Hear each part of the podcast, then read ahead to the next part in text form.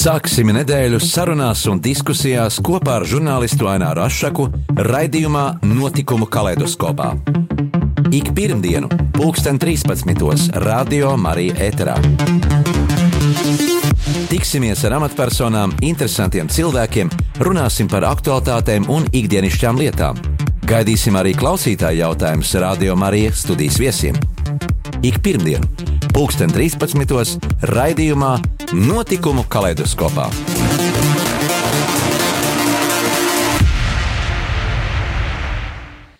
Esiet sveicināti, radio klausītāji! Šoreiz raidījumā runāsim par ikvienam svarīgu maņu orgānu acīm, par acu veselību, lai laiks rūpētos par tām un nepazaudētu priekšlaicīgu redzi. Un studijā uz sarunu esmu aicinājis acu ķirurģi ar vairāk nekā 20 gadu pieredzi.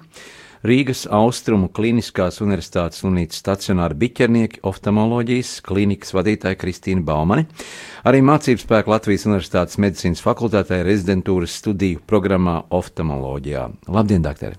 Labdien! Nu, šī brīža apstā, ap, apstākļos, kad apstājušies ir visi darbi eh, Covid-19 dēļ, šķietami liekas, ka visa dzīve apstājusies un ikdienas ritma apstājušies. Kā tas viss tagad notiek jūsu klīnikā, vai, vai tiek sniegta palīdzība ar acu traumām cilvēkiem? Nu, oftalmoloģijas acu klīnikā, biķernieku stacionārā. Mēs turpinām sniegt uh, akūto palīdzību pacientiem ar acu traumām, ar uh, akūtiem un uh, ar akūtiem iekaisumiem, ar hronisku iekaisumu pārsinājumiem. Tāpat mēs arī veicam operācijas.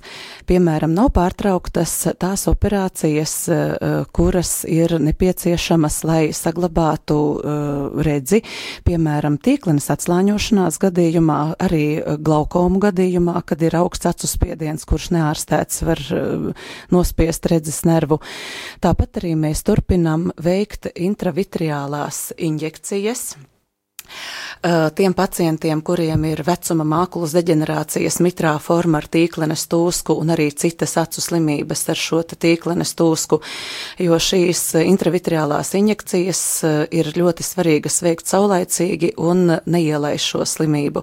Pretējā gadījumā, ja tas viss tiks veikts novēloti, tad jau arī rezultāts vairs nav sagaidāms tik labs, kā tas būtu, ja tas tiek izdarīts un uzsākts saulaicīgi. Jā, kādi ir tie pirmie signāli, kurā brīdī kas liek aizdomāties par to, ka nu, kaut kas nav kārtībā, lai laiks pamanītu un, un nenokavētu šo, šo brīdi. Runājot par, tas ir par akūtām acu slimībām, protams, ka tie ir redzes traucējumi, un pie katras no manis nosauktajām slimībām šis sākums ir atšķirīgs. Piemēram, pie tīklenes atslāņošanās pirmie simptomi ir melnu peldošu apduļķojumu, tā saucamo diegu mušķiņu parādīšanās acis priekšā un zibeņošana, kurai savukārt seko tāda sajūta, it kā kāds acī priekšā iet aizskars no augšas, no lejas vai no vienas vai no otras puses. Nekompensēta augsta acu spiediena, nekompensētas glaukomas gadījumā cilvēks sūdzēsies par izteiktu redzes miglošanos, var sūdzēties, tāpat arī var sūdzēties par varavīksnes lokiem ap gaismas avotiem. Ja ir parādījusies mitrā tīklenes distrofijas forma, tad pacientam acu priekšā parādās tāds neskaidrs, pelēcīgs plankums un sāk kropļoties līnijas, tā ka taisnās līnijas pārvēršas par, par, par izlocītām. Tāpat arī eh, lasīšanas problēmas parādās, izkrīt vārdam burti un eh, nevar eh, vairs izlasīt visu vārdu, ir jākustina acis un galva un jāmeklē šie, šie te burti. Tā ka katrai slimībai šis te sākums sākas atšķirīgi un, kā jūs dzirdējāt, sūdzības var būt ļoti dažādas, mm. atšķirīgas atšķirīgas un ļoti daudz. Jā, nu, e, kādi ir šie galvenie priekšnoteikumi, lai, lai, lai saudzētu savus acis? Atceros no bērnības, ka e, nu, parādījās tie televizori un vairāk kārt teica, ja neskatieties televizoru tū vai nelasiet grāmatas e, tumsā zem sēgas guļus. Nu, šobrīd viedierīces un to lietošana, tāpat skarienjūtīgie telefoni, tas ir kļūst jau par tādu ikdienas normu no, no bērnu kājas, ja tā jāsaka. Um, Nu, kā tas ir šobrīd ar, ar šīm lietām, kas eh, nu, faktiski bojā vai nebojātas? Nu, jāsaka, ka uh, Runājot par datora lietošanu, es varu teikt to, ka pats dators un uh, darbs ar datoru redzi nebojā. It sevišķi, ja acis ir uh, labas, bez refrakcijas, uh, kā saka, patoloģijas, tad arī ilgstošs darbs ar datoru principā nekādas, nekādus nopietnus redzes traucējumus izraisīt nevar. Bet, ja cilvēkam ir uh, nu, tāda kā predispozīcija uz uh, astigmātismu, uz kādiem refrakcijas uh, traucējumiem, tālredzība vai tuvredzība, tad, protams, ilgstošā šī datora lietošana var izprovocēt to, ka, piemēram, progresē tuvredzība, par to, ka, piemēram, presbiopijas vecumā ilgstoši darbojoties, strādājot ar datoru, ja brilles nav piekoriģētas atbilstoši, var sākt sāpēt sāpēt arī acis.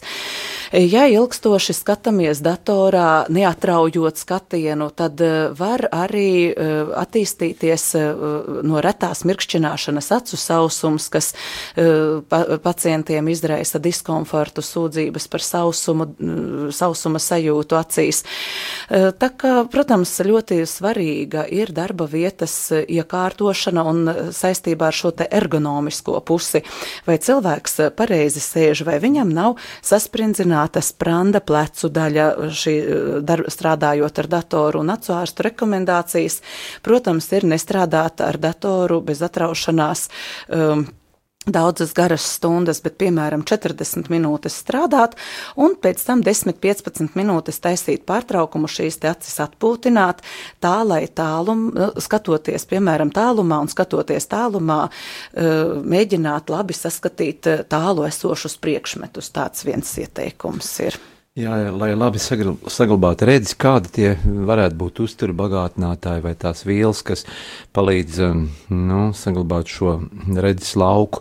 Uh, Melenis dzirdēts, ka jālieto.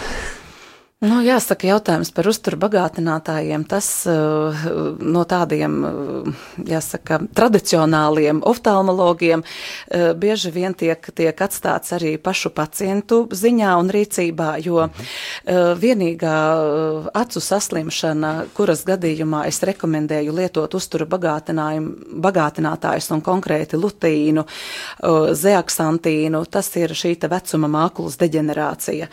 Bet, nu, protams, Protams, arī, arī A vitamīna deficīts var izraisīt redzes traucējumus, un Protams, vis, visu, visu vitamīnu uh, trūkums organismā var, var, var rezultēties arī ar kādiem redzes traucējumiem, bet jāsaka, kā ir, ka es esmu tomēr tāda sabalansēta uzturpiekritēja, un uh, tad, kad man pacienti prasa par acu vitamīniem, es saku, ka es patiesībā atļauju, atļauju pacientam izvēlēties un arī pamēģināt, lai viņš dzer šo te tableti dienā, uh, galvenais ir uh, ēšanas laikā vai pēc ēšanas, lai šis acu vitamīns neizraisītu vēl papildus kuņģa kairinājumu un neradītu gastrītu. Un tad, lai viņš arī pats pacients jūt, ja viņam šis te uh, pārtiks piedeva ar, ar, ar vitamīniem tiešām arī uzlabo uh, redzes kvalitāti un, un pašsajūtu, tad ir skaidrs, ka viņš to arī ir aicināts uh, lietot, bet kursu veidā, jo arī acu vitamīnus nerekomendē lietot bez pārtraukumu, bet, piemēram, mēnešus divus lieto, pēc tam kādu mēnesi arī nelieto, tā ka tas viss tādā kursu veidā. Varbūt, ka arī mūsu klausītājiem ir kāds jautājums, droši piezvanīt uz studiju tiešraidē un uzdosim jautājumu oftalmoloģijas klinikas vadītāja Kristīnai Baumanai. Tātad tālruņa numurs ir 679 69 131. Atkārtoju 6, 7, 9, 6, 9, 1, 3, 1, vai arī sūtiet SMS 266, 77, 272. Atkārtoju SMS 266, 77, 272, vai arī e-pastā jautājums studija at rml.clv. Studija at rml.clv. Runājot par acu operācijām. Piebildīšu, ka dr. Kristīna Baumana ik gadu veic aptuveni 500 glaukomas un 500 kataraktas operācijas, kā arī 700 eh, intravertiālo eh, injekciju. Iespaidīga statistika un tāds apkopojums. Ko varētu teikt par šīm operācijām? Ko nozīmē vispār doties uz acu operāciju? Acu operācijas ir tāda lieta, kas, protams, ir pacientam nepieciešamas veikt, lai uzlabotu redzi, piemēram, tā ir kataraktas operācija vai arī saglabātu redzi, kas ir glaukomas operācija. Uh, acu operācijas ir ārkārtīgi arī atšķirīgas no tā, uh, ko pacients iegūst pēc šīs te operācijas, un jebkura operācija ir arī, jebkuras operācijas rezultāts ir arī atkarīgs no tā, kādas ir citas blakus acs slimības. Piemēram, ja pacientam ir izteikta tīklenes distrofija vai tālu aizgājusi glaukoma, tad iet uz kataraktas operāciju un cerēt, ka pēc šīs te kataraktas operācijas, kuras laikā apduļķotā lēca tiek nomainīta pret uh, dzidru, uh, caurspīdīgu mākslīgo lēcu, ka viņš atgūs zaudēto redzi, tas diemžēl tā nebūs. Bet ja pacientam nav citu blakus slimību, tad kataraktas operācija ir ārkārtīgi efektīga uh, redzes atgriešanas un uzlabošanas āršanas operācija. Uh, pacientam ir jāgrib uh, šī operācija veikt, jo bieži vien uh, pacienti nāk pie manīm uz, uz pieņemšanu un prasa man. Viņi saka, doktor, vai man ir jāoperē katarakta? Mhm. Es pārbaudu redzi un es konstatēju, piemēram, ka pacients redz Vēl uh, tabulā astoņas, deviņas, pat visas desmit rindas, kas atbilst nu, praktiski labam redzes sasumam. Tālāk mēs jau uh, runājam par to, uh, kādas ir sūdzības, teiksim, spožā saulainā laikā vai gluži otrādi krēslainā laikā vai pasliktinās redze vai parādījušās ir grūtības lasot. Un ja pacients sūdzas, ka viņam tomēr ir šie te redzes traucējumi, tad mēs kataraktu varam operēt arī pat ar diezgan augstu augstu izējas redzi mūsdienās. Mēs vairs negaidām, kad redze pazudīs pilnībā, kā tas bija agrāk, mhm. kad cilvēks audzēja savu lēcu, lēca duļķojās Un, un, un uz operāciju gāja tad, kad bija jau praktiski akls un neredzēja kataraktas dēļ. Mūsdienās tas tā nav. Mūsdienās arī ir uh, palielinājušās iespējas uh, ielikt operācijas laikā tādas mākslīgās lēcas, tās saucamās prēmijum lēcas, uh, pie kurām pieder gan multifokālās lēcas, kas nodrošina labu redzi gan tālumā, gan tuvumā, gan vidējos attālumos, nu, var teikt tā, kā tas ir bijis jaunībā jaunībā, gan arī toriskās lēcas, kuras koriģē astigmātismu. Un tas nozīmē, ka ja cilvēkam ir bijušas brilles ar e, lieliem, lielu cilindrisku korekciju, kuru ar parasto kataraktas operāciju acī ievietojot monofokālo lēcu mēs nevaram astigmātismu koriģēt, tad tagad e, pielietojot šīs te toriskās, jeb astigmātismu koriģējošās lēcas, mēs pacientam varam būtiski uzlabot redzi, un principā kataraktas operācija tagad ir arī uzskatāma par tādu kā refraktīvās ķirurģijas operāciju, jo uh, katram pacientam tiek aprēķināta, aprēķināts šis te mākslīgās lēcas stiprums pirms operācijas, kas ir jāimplantē acī, lai pēc operācijas viņš iegūtu maksimāli labu uh, redzi. Protams, ka uh, mēs ar pacientu arī runājam, jo ir cilvēki, kas grib pēc operācijas labāk redzēt tālumā, ir atkal tādi, kas saka, nē, tālumā es tur palietošu brilles, bet man ir būtiski labāk redzēt tuvumā vai vidējos attālumos. Tas ir saistīts ar, ar katra uh, cilvēka uh, darba un darba raksturu un arī, arī prasībām pret savu redzi un, un, un kurā attālumā viņam ir uh, gribās vis, visvairāk un labāk šo redzi lietot. Runājot par pārējām operācijām, teiksim, nu, tur par glaukomas operāciju. Glaukomas operācija gan ir atkal operācija, kuras laikā mēs taisam papildus atteces ceļus acī. Un e, šie atteces ceļi ir e, paredzēti sama, acu intro, acis intrakulārā spiediena samazināšanai. Jā, varbūt kādam cilvēkam nu, psiholoģiski tieši tā, nu, tas, e, tas stress ir droši vien no jūsu prakses arī, ka, nu, kā manā acī tur to, to caurumu veidos. Nu jā, tas ir tāds, tās ir, tā ir ļoti sarežģīta, tā ir ļoti sarežģīta operācija, jo tiešām paskaidrojot šīs operācijas, teiksim, pašu būtību, tas ir atteces ceļu paplašināšana. Mm. Un vienkārši runājot, tas ir caurumiņš atteces ceļos, caurumiņš acī, lai šķidrums, kurš producējas acis iekšpusē, atrastu šo te izveidoto, uztaisīto caurumiņu un lai šķidrums iztecētu ārā no acis un e, nebūtu tik augsts acis iekšējais spiediens. E, šo operāciju gan pacienti pacientiem rekomendē ārsts, tad, ja redz, ka acu pilieni, e, jeb medikamentozā terapija nesamazina acu spiedienu pietiekoši efektīgi un labi, vai arī lāzerterapija arī nestrādā, tad e, mēs e, pacientiem piedāvājam šo te ķirurģisko metodi. Ķirurģiskā metode Latvijā pārsvarā tiek pielietota šī tradicionālā trabekulektomija, kas ir penetrējoša ceļojošā trabekula plastika. Tas ir operācijas nosaukums. Ļoti nedaudz mēs pielietojam arī dažādus implantus. Eh, eh, diemžēl eh, šī, kā saka, nedaudzā pielietošana ir saistīta ar implantu dārdzību un to, ka valsts šos implantus neapmaksā. Savukārt šo klasisko penetrējošo ķirurģiju valsts apmaksā pilnībā un pacientam ir jāmaksā tikai līdzmaksājums. Kas tas ir, ir noteikts. Pacienta acu spiediens, acu spiediens normāls. Uh, par normālu acu spiedienu uzskata 20 mm dzīvesudraba staba. Uh, gribu arī uzreiz piebilst, ka ir dažādas intraokulārā spiediena mērīšanas metodes. Viena no populārākajām ir tā saucamā bezkontakta metode, kad acī tiek iepūš šis te spēcīgs saspiests gaiss, un pēc tam tiek mērīts šis te gaisa stroklis atsitiens, bet šī metode ir vairāk tāda aptuvena skrīninga metode, orientējoša metode. Daudz precīzākas ir šīs te kontakta metodes, kas ir Goldman aplenācijas tonometrija, kad acī pieskarās ar speciālu prizmiņu, iepriekš aci anestezējot un nokrāsojot ar dzelteno mm. krāsu, vai arī Aikēra tonometrija, kas ir iegūsi pēdējā laikā eh, ļoti uh, lielu popularitāti Latvijas acu ārstu vidū. Šīs metodes ir, ir stipri precīzākas, un uh, oftalmologi, glaukomas speciālisti lieto uh, pārsvarā šīs kontakta metodes. Un gribu uzreiz teikt to, ka ir dažādas normas.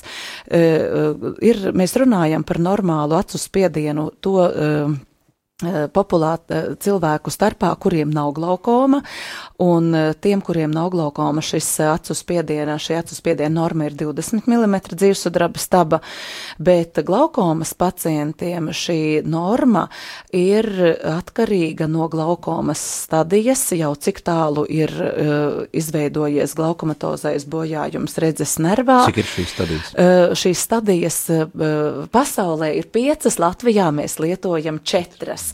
Un principā ceturtā stadija tas jau ir atlieku redzes lauks uh, temporāli vai arī, vai arī centrāli šī cauruļveida redze.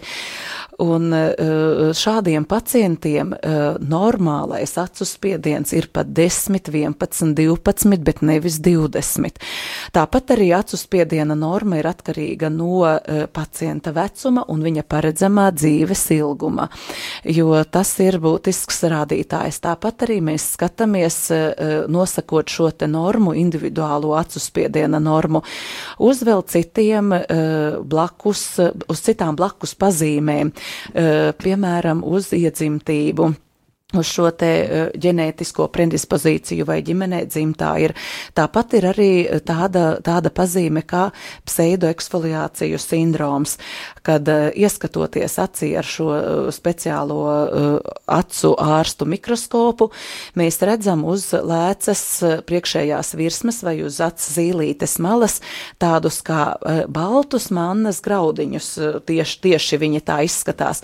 Un tas ir ziemeļu pasaules ziemeļu reģioniem raksturīgs šis pseidoeksfoliatīvais materiāls, eh, kurš izgulsnējas noteiktās acu vietās un pie paaugstināta acu spiediena pie izmainītas šīs te acu spiediena uh, pārvietošanās mhm. paci lielākās turbulences zonās arī nogulsnējas, tā skaitā trabekulā, kas ir šis te atteces ceļš. Jā, pēc mirkļa sarunu turpināsim, bet tagad neliela muzikāla pauzīte. Atgādinu, ka studijā sarunājamies ar Rīgas Austrum Kliniskās Universitātes slimnīcas stacionāra biķernieku oftalmoloģijas klīnikas vadītāju Kristīnu Baumani, kur ir arī mācības spēks Latvijas Universitātes jaunajiem mediķiem. Bet tagad, lai skan skaņdarbs, un laikam Rihards jau to būs sagatavojis Bočelī dziedātāja, ievērojamo dziedātāju itāļu, kurš arī ir diemžēl neredzīgs, bet dzied burvīgi.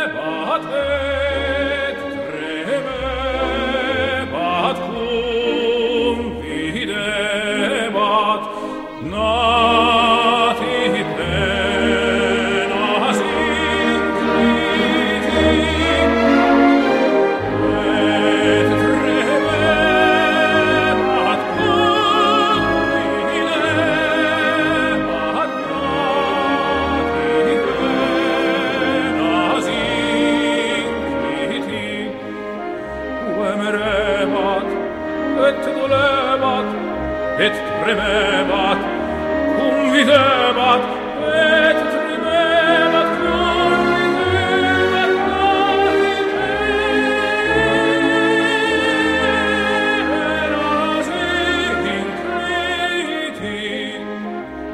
Emerebat, et dolebat, et tremebat, cum videbat,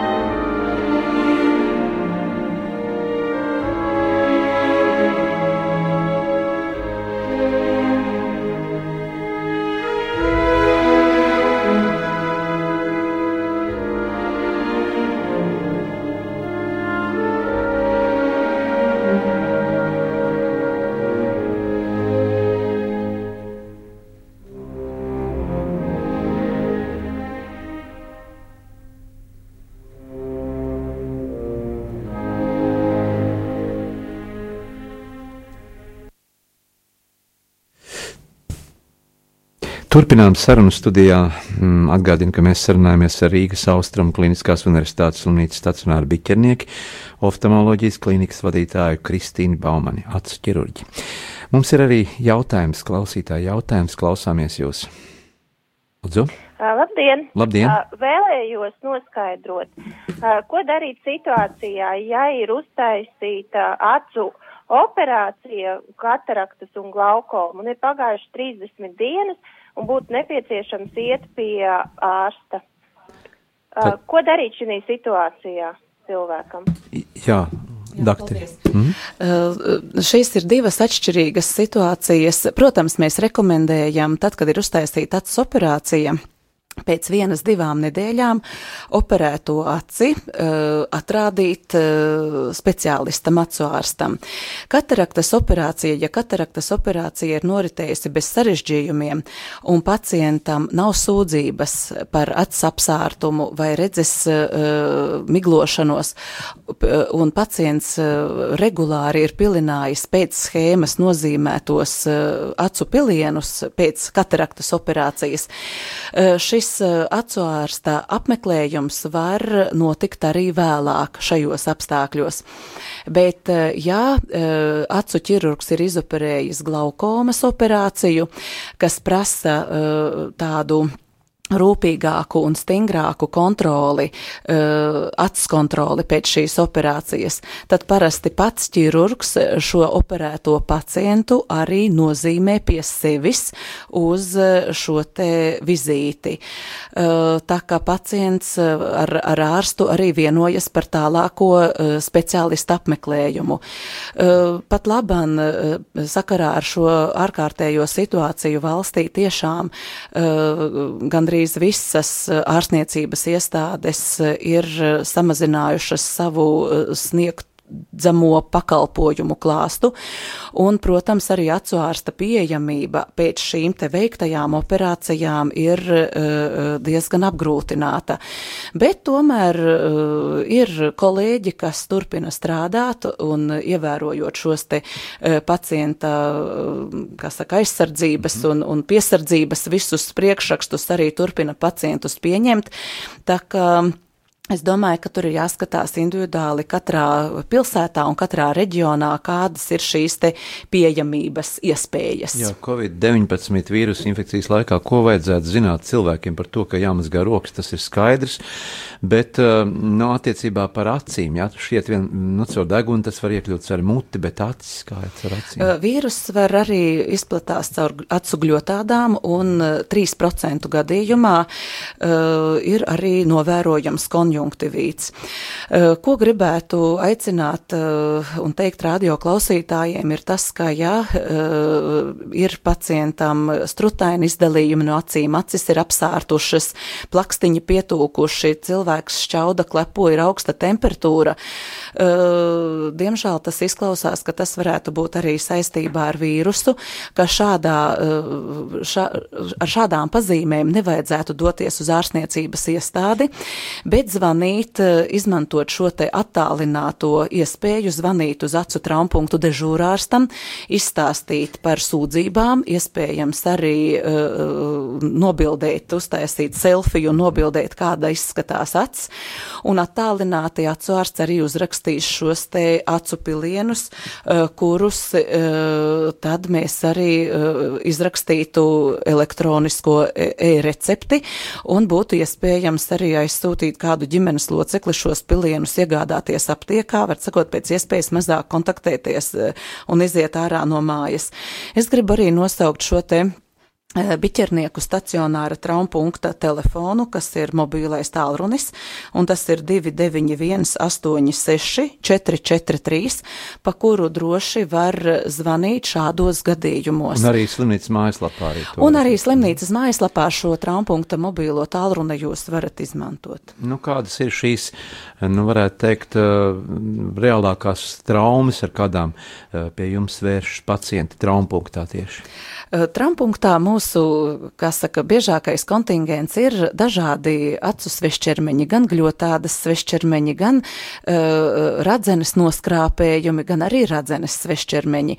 Un tagad ir pavasaris, kad at, atgriežas dažādi uh, gan dārza darbi, gan arī, gan arī uh, citi, citi darbi, un pie tam ir arī pacientiem šī te, šī te aicinājums palikt mājās, un, un, un daudz arī izmanto, izmanto, izmanto to darbojoties savās piemājas saimniecībās un gūs dažādas acu traumas. Eh, gribu aicināt, eh, lietojot dažādus, dažādas ierīces, darba rīkus, neaizmirst lietot arī aizsarga brilles, piemēram, arī to pašu šmirģelējot, ja, lai, lai, lai skaidrs nelec, neielec acī. Vienmēr paturēt prātā, ka sitot ar metālu pa metālu var atlikt šis te nelielais metāla gabaliņš un iekļūt acī, izraisot ļoti smagu un paliekošu traumu. Arī aicinu lietot aizsarga brilles. Tāpat arī uh, tagad grābjot lapas, izvairīties no dažādu zaru. Uh, uzsitiena paci, kas var noskrāpēt uh, radzenes acis virspusi, jo bieži pie zariem ir pieķērušās uh, dažādas baktērijas un sēnītes, tā kā pašiem jābūt ir uzmanīgiem, bet nu tās ir tās biežākās traumas, ar, kuriem, ar kurām cilvēki arī griežas pēc palīdzības. Cik aptuveni dienakti ir tāda palīdzības sniedzat? Jūs zinat, tas ir ļoti atš atšķirīgi, no 20 līdz pat 40 pacientiem mūsu acu traumppunkts apkalpo diennaktī. Tuvojas vasara, un uh, mēs lietosim saules brilles. Kādas izvēlēties polarizētās, par, tā, par tām tik daudz dzirdēts ir saules brillēm, lai, lai neapdedzinātu tās acis redzeni. Jūs zināt, saules brilles mm, ir tiešām ļoti efektīvs un labs acu aizsarglīdzeklis, īpaši tiem uh, cilvēkiem, kuriem ir gaišākas varavīksnenes. Uh, un acis ir jūtīgākas pret spožu saules gaismu jau no dabas. Bet arī tumšu acu īpašniekiem bieži vien šīs te saules brilles nodrošina ļoti labu komfortu un uh, arī tum, tumšu acu īpašnieki mīl šīs brilles nesāt.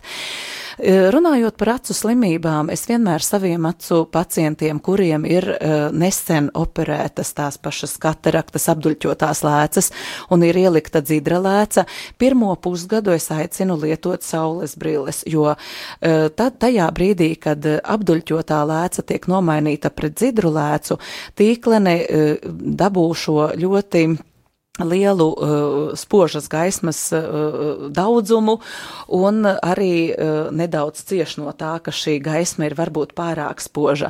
Tāpat arī uh, droši var izmantot saules brilles arī telpās, piemēram, skatoties televizoru pēc uh, kataraktas operācijas, ja liekas, ka šī televizora bilde pat tāda kā ir par spožu un par, par gaišu. Uh, bet, kā jau minēju, uh, saules brilles īpaši iesaku tiem uh, pacientiem, cilvēkiem, kuriem ir tīklenes bojājumi, gan sausā tīklenes distrofijas forma, gan mitrā tīklenes distrofijas forma. E, tiem pacientiem, kas ir saņēmuši ārstēšanu ar intravitriālajām injekcijām, e, tāpat arī e, pacientiem, kuriem ir glaukoma. Runājot par saules brīļu krāsu, ir tā, ka, teiksim, mēs dažreiz varam lasīt, ka pie konkrēta konkrētas acu slimības rekomendē tur noteiktas krāsas uh, briļu, uh, šo te saules briļu toni izvēlēties. Piemēram, par glaukomu es esmu dzirdējusi, ka Eh, iesaka šo zaļo toni. Bet eh, tā tomēr nav ļoti arī eh, pie tā jāpieturās, jo pārsvarā mēs runājam par divu toņu saules brillēm. Tās ir brūnās un tās ir pelēkās. Un katram cilvēkam pašam ir mm, laikošanas un mērīšanas procesa gaitā arī jānosaka, kura krāsa viņa acīm liekas tāda labāka, draudzīgāka un pieņemamāka. Un ir zināms, ka brūnā krāsa uzlabo kontrasta redzi, savukārt pelēkā atkal tā kā vairāk nomierina, un visas saules briļu krāsas ir labas.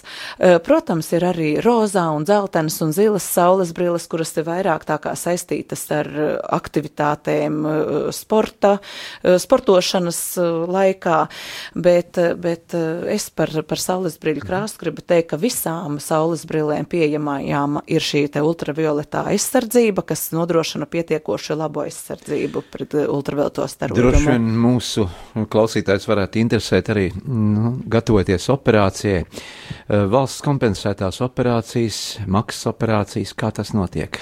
Cik ilgi šobrīd jāgaida uz valsts kompensētajām un kā tas ir maksas operācijām, cik tas maksā? Par šo te gaidīšanas laiku ir, mēs runājam tieši konkrēti par kataraktas operāciju, jo tā bija, ka vairākus gadus atpakaļ šis gaidīšanas laiks mūsu valstī bija pat vairāki gadi, divi, trīs gadi kā kurā slimnīcā. Un šīs gaidīšanas rindas tiešām bija katrā slimnīcā tika veidota sava gaidīšanas rinda un bija diezgan, diezgan arī tāda nesaprašana stāst un jukas, jo vienā slimnīcā šī rinda pienāca ātrāk, citā viņa atkal nepienāca, un, un pacientam tad zvanīja, un viņš tad arī brauca uz, uz, uz to slimnīcu, kurā viņš bija izstāvējis šo rindu, un uz kurā šī rinda bija pienākusi. Arī pat laban ir tā, ka katra slimnīca veido savu rindu. Šīs rindas ir elektroniskās, eh, konkrēti Austrumu slimnīcā šo rindu veido ārstu birojā, un eh, gaidīšanas laiks eh, ir aptuveni pusgads no iestāšanās brīža šis, šis gaidīšanas laiks ir būtiski samazinājies. Eh, protams, ka tajos gadījumos, kad cilvēks ir kataraktas dēļ akls ar abām acīm, kad abas acu lēcas ir pilnīgi apduļķotas, eh, šis gaidīšanas laiks vairs nav pusgads. Es gribu teikt to, ka šajā brīdī, kad uh, ir valstī ārkārtējā situācija, ir pārtrauktas jebkuras plāna operācijas, un katarakta ir šī te plāna operācija, ja uh, acu spiediens ir labs un ja ir tikai apduļķota lēca, jo cilvēks ar apduļķotu lēcu tiešām var gaidīt gan mēnesi, gan divus, un tad arī sagaidīt šo savu operācijas dienu, un par valsts līdzekļiem, kas dienas stacionārā stacionārā ir 11 eh, eiro. Eh, eh, ar ģimenes ārsta nosūtījumu var saņemt šo valsts apmaksāto pakalpojumu. Ja pacients, bet dotajā brīdī ir pārtraukti arī šie te maksas pakalpojumi šīm plānveida operācijām, un kataraktas, plā, kataraktas maksas operācijas arī ir pārtrauktas sakarā ar šo, šo, šo mhm. Covid pandēmiju. Un uh, kataraktas operācijas mūsu klīnikā mēs varam veikt tikai ārkārtas gadījumos, ja šī lēca briest, ja briestot lēca ceļ augstu, paaugstina acu spiedienu, un ja šis paaugstinātais acu spiediens, kas ir saistīts ar šo te lēcas briešanu, ar lēcas duļķošanos, ir drauds redzes nerva neatgriezeniskam bojājumam. Šādos gadījumos mēs mēs šīs kataraktas operācijas veicam kā neatliekamās operācijas. Un kā jau es minēju eh, raidījuma sākumā, Austrumu slimnīcas oftalmoloģijas klīnika turpina sniegt akūto palīdzību, tai skaitā arī šīs te akūtās operācijas.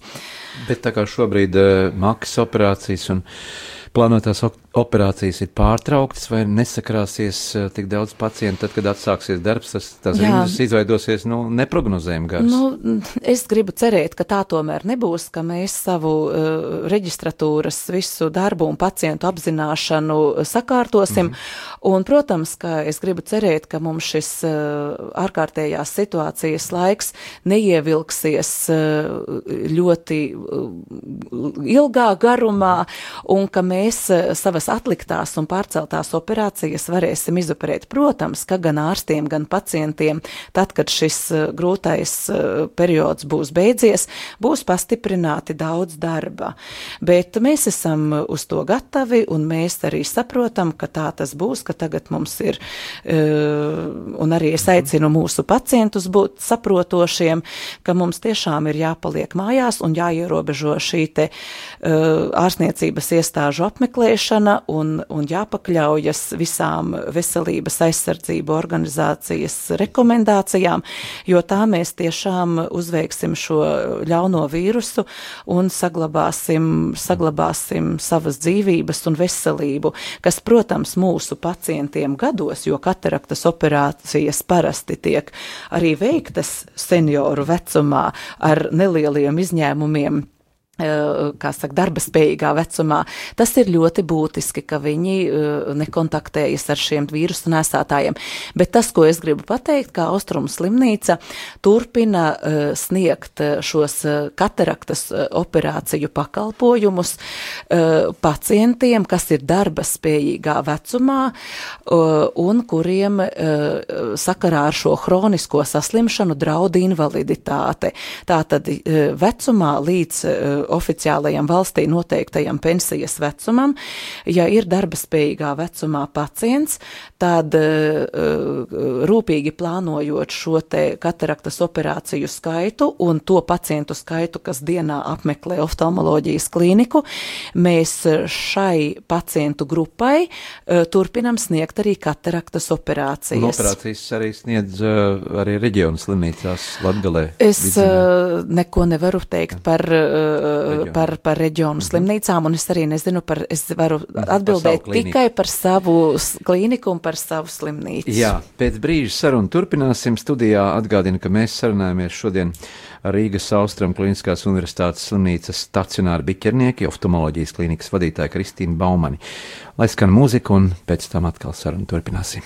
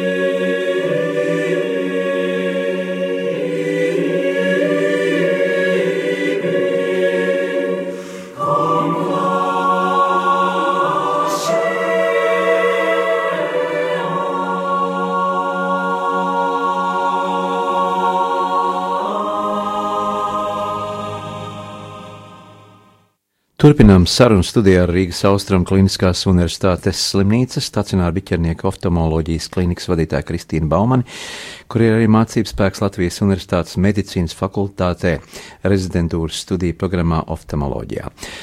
Nu, turpinot sarunu, gribētos pajautāt arī par, par jauno maiņu, par studentiem, par jauniem atsārstiem, kas, kas nākotnē būs mūsu maiņa. Austrumu Kliniskās Universitātes slimnīcas oftalmoloģijas klinikā par acu ārstiem mācās 23 rezidenti. Uh, uh, šie jaunie kolēģi ir nopietni, uh, sava, sava izvēlētā ceļa gājēji. Tiešām ir prieks par, par mūsu jaunajiem dakteriem, kas savu izvēlēto profesiju apgūst. Nu, es gribu teikt ļoti intensīvā brīžiem smagā ikdienas darbā. Uh, acu uh, rezidenti gan asistē operācijās, gan pastāvīgi apskata pacientus, gan palīdz dežūrārstam acu traumpunktā, piedalās arī dažādu izmeklējumu veikšanā, tajās pašās pirmsoperācijas izmeklējumos, piedalās šo te atsmākslīgo lēcu aprēķinu veikšanā un, un citās izmeklēšanas metodēs mēs. Jāsaka, ka arī mūsu rezidentiem ši, šajā laikā darbs turpinās, tāpat viņi iet uz slimnīcu, jo mēs sniedzam šo neatliekamo palīdzību un turpina strādāt. Bet, nu, jāsaka, šie semināri mums notiek attālināti. Jā, jautājums ir pavisam, cik gultas vieta ir oftalmoloģijas klinikā aptuveni. Mums, mums ir nevis aptuveni, bet mums mm. ir desmit uh, gultas vietas uh, diennakts stacionārā un 20 uh, vietas dienas stacionārā. Tad slimnieks pēc operācijas tur pavada cik ilgu laiku? Dienas stacionārā, kas ir pēc katarakts operācijas, pacients tiek izoperēts, kādu pusstundu, stundu pakavējās, tiek apskatīts, viņam tiek atdots izraksts, rekomendācijas un tiek laists mājās. Savukārt dienakts stacionārs mums ir paredzēts tādiem pacientiem, kuriem ir nepieciešama ārstēšanās stacionārā sakarā ar kādu hronisku slimības pāsinājumu kājumu vai traumu vai arī šo te akūto saslimšanu, piemēram, tīklenes atslāņošanos, kad pēc uh, op veiktās operācijas uh, viņš vēl pāris dienas uh, ārstējas stacionārā, tiek no, novērots un tikai pēc tam tiek izrakstīts mājās. Jā, un, ja iespējams, pavisam īsi, kā, kā tas notiek, operācijas process pats, process, cik ilgi tas notiek un, un, un Tas, tas ir ļoti atšķirīgi. Tas ir, ja intravitriālo injekciju mēs varam uh, veikt, teiksim, kopā ar sagatavošanās, uh, sākot no sagatavošanās brīža, teiksim, nu, nepilnas pusstundas laikā, tad uh, arī par kataraktas operāciju es varu teikt, ka ir kolēģi, kas kataraktas operāciju var izoperēt, teiksim, 15 minūtēs, bet kataraktas var būt ļoti dažādas, jo varbūt vienkārši vienkāršs lēcas apduļķojums un pacientam zīlīte labi paplašinās uz pielietotajiem medikamentiem, un tiešām operācija norit ātri, gludi raiti, un mākslīgo lēcu mēs ievietojam bez sarežģījumiem.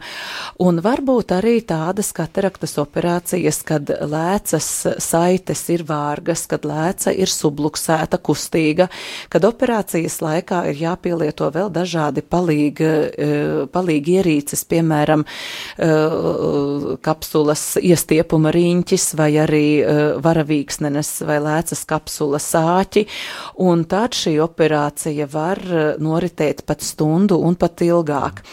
Mūsu, uh, principā, mēs nevaram prognozēt acu operācijas garumu. Mums ļoti bieži arī pacienti jautā, cik man būs gara operācija. Uh, tas ir, uh, diemžēl, ļoti individuāli un redzams operācijas gaitā, jo pat, ja ķirurgam liekas, ka operācija noritēs ātri, bez sarežģījumiem, var notikt jebkurā operācijas momentā, var notikt viss, kas, un šī, kā saka, paredzamā īsā operācija var pārvērsties par garu, garu, garu operāciju vairāku stundu garumā. Un tā notiek vispārējā narkozē, vietējā narkozē? Acu, acu operācijas arī tiek operētas dažādi. Pārsvarā lokālā anestēzijā, vai nu pilienu anestēzijā, vai intrakamerāli, kā kataraktas operācija pilieni un acī priekšējā kamerā tiek ievadīts anestēzijas medikaments. Tāpat var lietot arī dažādas injekcijas injekcijas eh, blakus acī, eh, lai aci nomierinātu. Eh, tā kā pārsvarā tā ir lokālā anestēzija. Tehniski, kā tas notiek, varbūt pacientiem interesanti, nu, zināt, tīri te pavisam īsi, ja tā var izstāstīt. Lāzers stars to dara? Nē, nu, lāzer, protams, ka, ka ir operācijas, kuras veids ar lāzeri, bet, bet pārsvarā, tā pārsvarā nē. Katarakts operācijas laikā, lai sašķeltu apduļķoto lēcas kodolu, tiek izmantota ultraskaņa, un tad šis te apduļķotais lēcas kodols ar ultraskaņu tiek sašķelts atsūkts, izskalots, iztīrīts lēcas kapsulas maiss, kurā tad tiek implantēta mākslīgā lēca salocītā veidā. Šī operācija tiek veikta caur eh, ļoti mazu griezienu. Eh, mūsu slimnīcā 2,2, 2,4 mm lielu griezienu un arī lēca salocītā veidā tiek ieliekta un nekādas šuves netiek liktas. Bet ir operācijas, piemēram, vitrektomijas, kuras mūsu slimnīcā arī tiek veiktas lokālā anestēzijā ar retrobulbāra bloka palīdzību. Pacients tāpat guļ stundu pusotras mierīgi, nekustīgi un, un un, un ārsts operē. Savukārt ir uh, arī tādas operācijas, kur ir nepieciešama vispārējā narkoze. Uh, nevis vispār, narkoze nepieciešama, vispārējā anestēzija. Un parasti šīs operācijas ir saistītas ar pieskaršanos acis muskuļiem. Piemēram, ja ir tīklenes atslāņošanās un ķirurgs izlemj veikt ekstraokulāru operāciju, kad kad šo lokālo plombi piešuja pie atsābola no ārpuses. Tad ir jādod pacientam narkoze, eh, jo citādi pacients neļausies. Arī smagu traumu gadījumā mēs eh, bez eh, ierunām dodam narkozi, lai pacients arī nežmiegtu un nespiestu aci un lai mēs varētu šo, šo traumas gadījumu apstrādāt pēc iespējas efektīgāk. Un vēl viena aktualitāte no 1. aprīļa mainās kompensējumu medikamentu kārtība. Eh, arī daudzām acu lietām ir nepieciešami šie kompensējumie medikamenti, kas ir jālieto regulāri, tāpat kā asinsspiedienam, tāpat acu spiedienam. Eh, ko varētu teikt par šīm lietām, kas mainīsies pacientiem kompensējumu medikamentu sistēmā? Jā, tiešām acu ārsti eh, glaukomas pacientiem izraksta šos valsts kompensējumos medikamentus, tās ir vairākas zāļu grupas, un mainīsies tas, ka acu ārsts elektroniski atzīmēs uh, datorā šo te aktīvo vielu vai aktīvo vielu kombināciju, uh, un tad pacients ar savu pasi vai ID karti griezīsies aptiekā, kur farmaceits savukārt izsniegs šo te kompensējamo medikamentu. Jāsaka, acu ārsts vairs nevarēs arī, arī neko daudz ietekmēt, jo tiks tiešām, kā jau es minēju, minētas tikai aktīvās vielas. Ja pacients izvēlēsies un vēlēsies turpināt savus ierastos medikamentus ar konkrētajiem jau nosaukumiem, tad variants ir, protams, iegādāties šos medikamentus par pilnu maksu. Jā, pavisam nemanot, ir aizritējis stundas sarunai. Šis klusais gaveņa laiks, klusais ciešana laiks, tuvojoties lieldienām. Kāds būtu, doktor Kristīna, novēlējums mūsu radioklausītājiem? Es novēlu visiem saglabāt mieru un pacietību šajā laikā. Tāpat novēlu arī visiem ievērot savus personīgos aizsardzības uh, līdzekļus un veidu, kā saglabāt uh, gan savu veselību, gan arī savu redzi. Aicinu visus rūpēties uh, par savu redzi un savām acīm, pielietojot dažādus un nepieciešamos aizsarglīdzekļus. Un visiem novēlu sagaidīt to brīdi, kad eh, mēs varēsim atkal pilntiesīgi atgriezties pie pakalpojumu sniegšanas valstī un, un, un, un, un atgriezt cilvēkiem to pašu dārgāko, kas viņiem ir šī acu gaisma. Arī es gribu pievienoties tam pašam un uh, piebilst, ka, uh, lai dzīve mums sakārtotos, normalizētos, lai mazinātos stress, lai mēs uh, atkal varētu darboties kā līdz šim un nebūtu šī psihoemocionālā uh, stāvokļa, kāds ir pat laban valda visapkārt, lai Dakteriem arī ir uh, daudz spēka pietrūkst, jo jūs uh, pazaudēt, inficēt mēs nedrīkstam. Un tāpēc es arī aicinu mūsu klausītājus ik vakar pulksten deviņos, skatāties zibakcijā, tomēr aplaudēt, aplaudēt un teikt lielu paldies tiem, kas strādā un, un, un rūpējas par mums un saudzēsim sevi, saudzēsim mediķus, saudzēsim viens otru. Paldies! Atgādinu, ka šodien studijā mēs sarunājamies ar Rīgas Austrum Kliniskās Universitātes slimnīcas stacionāru biķernieki, oftalmoloģijas klīnikas vadītāju Kristīnu Baumani.